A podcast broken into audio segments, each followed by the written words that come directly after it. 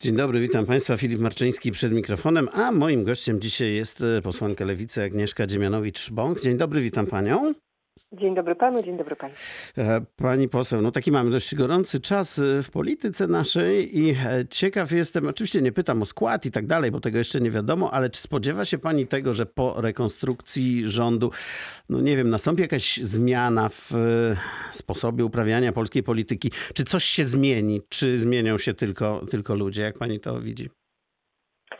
Obserwując ten serial brazylijski związany z rekonstrukcją rządu, może na samym początku można było spodziewać się, że faktycznie rekonstrukcja ta przyniesie zmiany, na przykład takie, że dojdzie do poważnej redukcji liczby tych ministerstw po to, żeby mm, pracowały bardziej efektywnie, że ta zmiana będzie odpowiedzią na trzy dławiące, dławiące Polskę kryzysy, czyli kryzys zdrowotny, kryzys gospodarczy, e, kryzys, kryzys społeczny.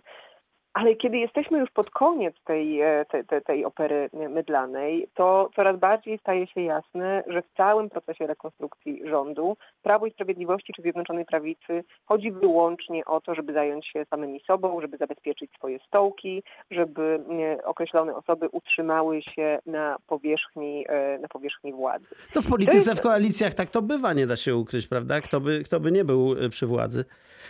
Oczywiście, oczywiście, że tak. Kłopot polega na tym, że naprawdę mamy głębokie kryzysy, jesteśmy w najtrudniejszej od lat e, sytuacji jako państwo. No i od rządu należałoby oczekiwać, że tak będzie się rekonstruował czy konstruował, żeby jak najlepiej te problemy rozwiązać.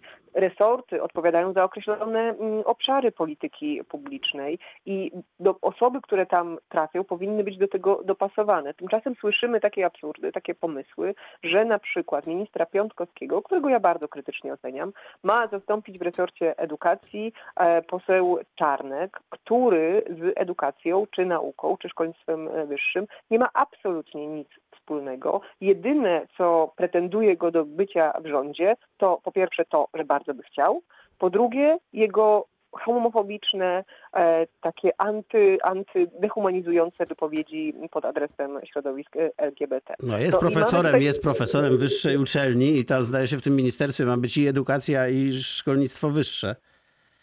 No dobrze, ale co z tego, że jest profesorem wyższej uczelni? To znaczy samo, sam, sam fakt bycia, mm, bycia na stanowisku profesorskim jeszcze nie czyni e, z nikogo eksperta od oświaty, szkolnictwa wyższego czy nauki. No nie rzeczywiście, tak, że tak powiem, że tak powiem, ideologicznie jest bardzo y, wyrazisty, więc y, tutaj rozumiem, nie spodziewa się pani y, jakiegoś łagodzenia kursu.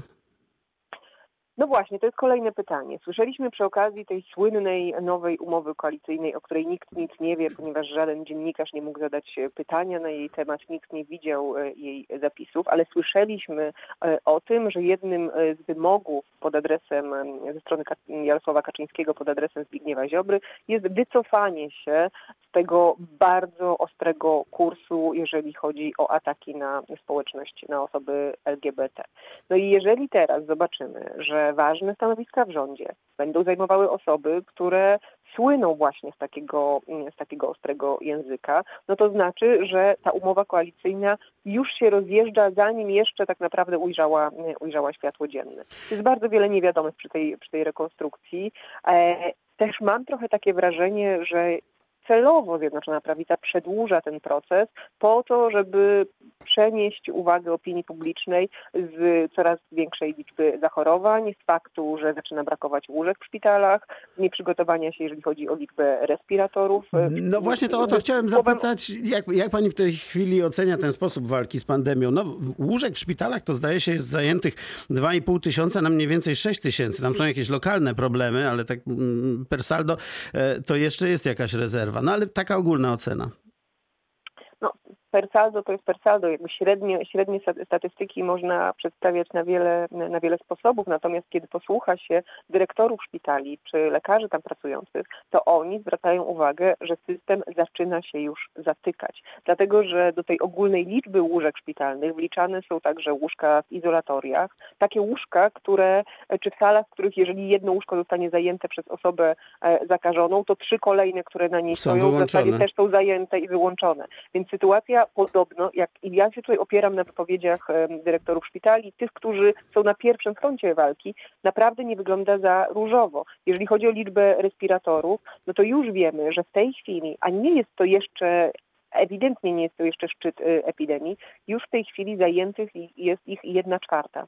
25% dostępnych respiratorów już teraz jest y, w użyciu. Jeżeli pandemia będzie narastać w takim tempie, w jakim narasta w Polsce, z dnia na dzień mamy albo rekordy, albo cały czas przekracza ta liczba nowych wykrytych zakażeń e, tysiąc, no to może być kłopot. I teraz najważniejsze, co należałoby zrobić, to starać się zapobiegać. Tymczasem rząd w, odniesieniu do epidemii zachowuje się tak, jakby wolał reagować po fakcie. Dopiero jak dojdzie do jakiejś, do jakiejś tragedii, do jakiegoś nowego, nowego ogniska zakażeń, to wtedy wdrażane są na prędce jakieś procedury, żeby temu zaradzić. No ale właściwie żaden kraj nie zdecydował się na to, żeby wprowadzić po raz drugi taki twardy lockdown. Gdzieś tam w Marsylii zamknięto restauracje, gdzieś w Wielkiej Brytanii wprowadzono ograniczenia. Madryt jest podzielony na takie strefy no, lockdowno podobne powiedziałbym, ale jednak te rządy wszystkie wszystkie w Europie i w ogóle na świecie nie chcą wprowadzać czegoś takiego, z czym Oczywiście. mieliśmy do czynienia w marcu, bo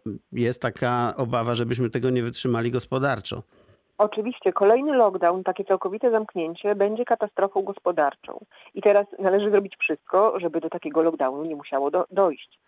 Więc jeżeli mamy sytuację w oświacie, to zamiast czekać, aż w szkole pojawi się, mm, pojawi się zakażenie, zamiast czekać, aż będzie trzeba szkołę przenieść całkowicie w pracę, tryb pracy zdalnej, rząd powinien pozwolić dyrektorom na podejmowanie tymczasowych, chwilowych działań prewencyjnych. To dyrektor szkoły najlepiej wie, ile ma dostępnych sal lekcyjnych i czy lepiej byłoby przejść w, tryb mieszany, hybrydowy, po to, żeby rozrzedzić uczniów, żeby wprowadzić edukację zmianową, żeby no, zminimalizować ryzyko, że nawet jeżeli dojdzie do jakiegoś zakażenia, no to ono się tak szybko nie rozprzestrzeni. Tymczasem mamy sytuację w oświacie taką, że dyrektor, jeżeli chciałby nawet e, zamknąć, znaczy zamknąć szkołę, przenieść ją w pracę częściowo zdalną lub całkowicie zdalną, to po pierwsze musi naprawdę poczekać, aż coś się groźnego wydarzy. Potem musi uzyskać zgodę e, od sanepidu, a jak wiemy, te zgody są bardzo, bardzo arbitralne. W jednej ze szkół wystarczy, że jeden uczeń jest zakażony i cała szkoła idzie na kwarantannę. W innej przenosi się na kwarantannę nauczycielkę, ale już nie uczniów, z którymi miała y, kontakt. Czyli nie ma jednej metody jakby, tak? Nie ma jednej metody. Są ogólne wytyczne na poziomie Ministerstwa Edukacji e, Narodowej, no ale te wytyczne są przez e, Sanepid realizowane w bardzo taki zróżnicowany sposób, które, a te różnice nie wynikają ze specyfiki lokalnej, no tylko z tego, że jakiś człowiek podejmuje arbitralnie decyzję o tym, czy pozwoli, czy nie pozwoli. Ja to... bardzo bym chciała, żeby większą swobodę w decydowaniu miał tutaj właśnie dyrektor, bo to dyrektor szkoły jest gospodarzem tej szkoły okay. i wie najlepiej, jak zapobiegać po to, żeby nie trzeba było leczyć. Okej, okay, pani poseł, kolejna sprawa istotna i interesująca z ostatnich wydarzeń politycznych. Jak pani sądzi, jaki będzie mm, finał ostateczny tej sprawy ustawy o e, ochronie zwierząt, o zwierzętach futerkowych, o uboju rytualnym? Czy ona, jeśli ona zostanie złagodzona w jakiś istotny sposób przez Senat, to no, pani, pani klub będą, e, będziecie próbowali jakoś e, jeszcze uszczelniać te przepisy, czy zagłosujecie za? Nasze stanowisko, jeżeli chodzi o prace, o prace senackie, było też było takie, że ze względu na wagę tej, tej ustawy, My wolelibyśmy, gdyby Senat skierował to od razu do podpisu prezydenta. Prezydent mógłby się tą ustawą zająć, podpisać ją, a później można, później można byłoby dokonywać kolejnych nowelizacji. Hmm. To nie jest tak, że jedna ustawa betonuje jakiś, jak, jak, jakiś, jakiś obszar, tak? czasy. Tak, można wprowadzać zmiany, można ustawy nowelizować. Ja się obawiam, szczerze mówiąc, że Jarosław Kaczyński czy Prawo i Sprawiedliwość użyje tej okazji, to znaczy powrotu tej ustawy do e, Sejmu, żeby tę sprawę zakopać. Żeby ewentualnie może, może faktycznie trafił Znaczy, na że ona w ogóle nie wejdzie? sprawdzić swojego e, koalicjanta. Jest takie ryzyko, jest takie ryzyko, że ustawa po powrocie do, na poziom sejmowy trafi do komisji, zostanie tam zakopana, zagrzebana i e, tyle było z tematu mm, poprawy dobrostanu zwierząt.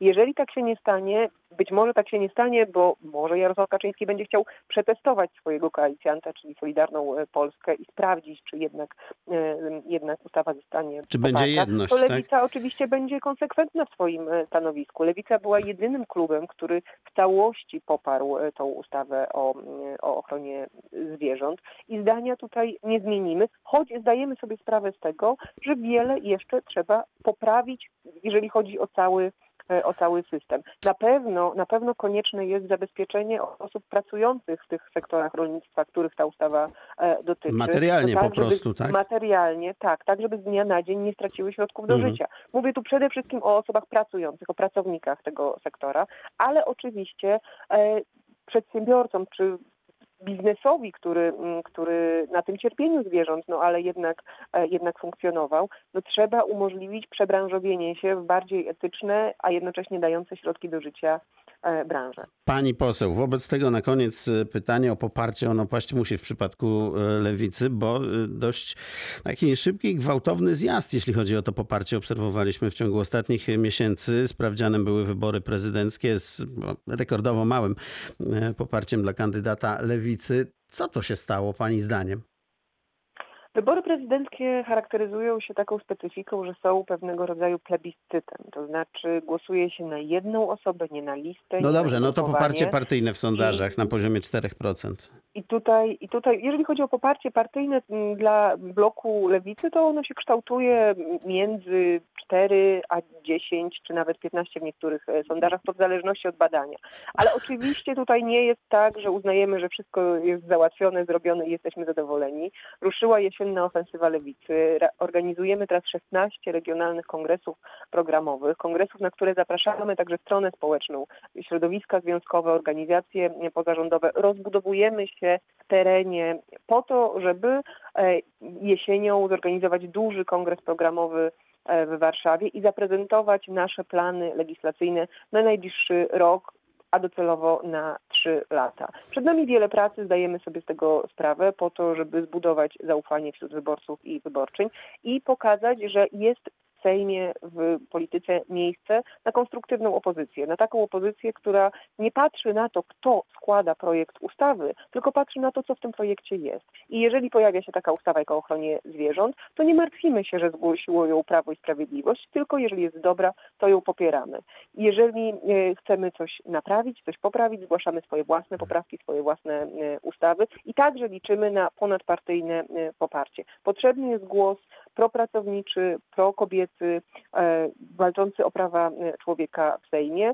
Myślę, że to poparcie, którym, e, dzięki któremu weszliśmy do Sejmu w 2019 e, roku, no jest takim kredytem zaufania i na tej podstawie będziemy budować przez kolejne trzy lata. Agnieszka Dziemianowicz-Bąk, lewica, posłanka. Dziękuję serdecznie. Dziękuję bardzo.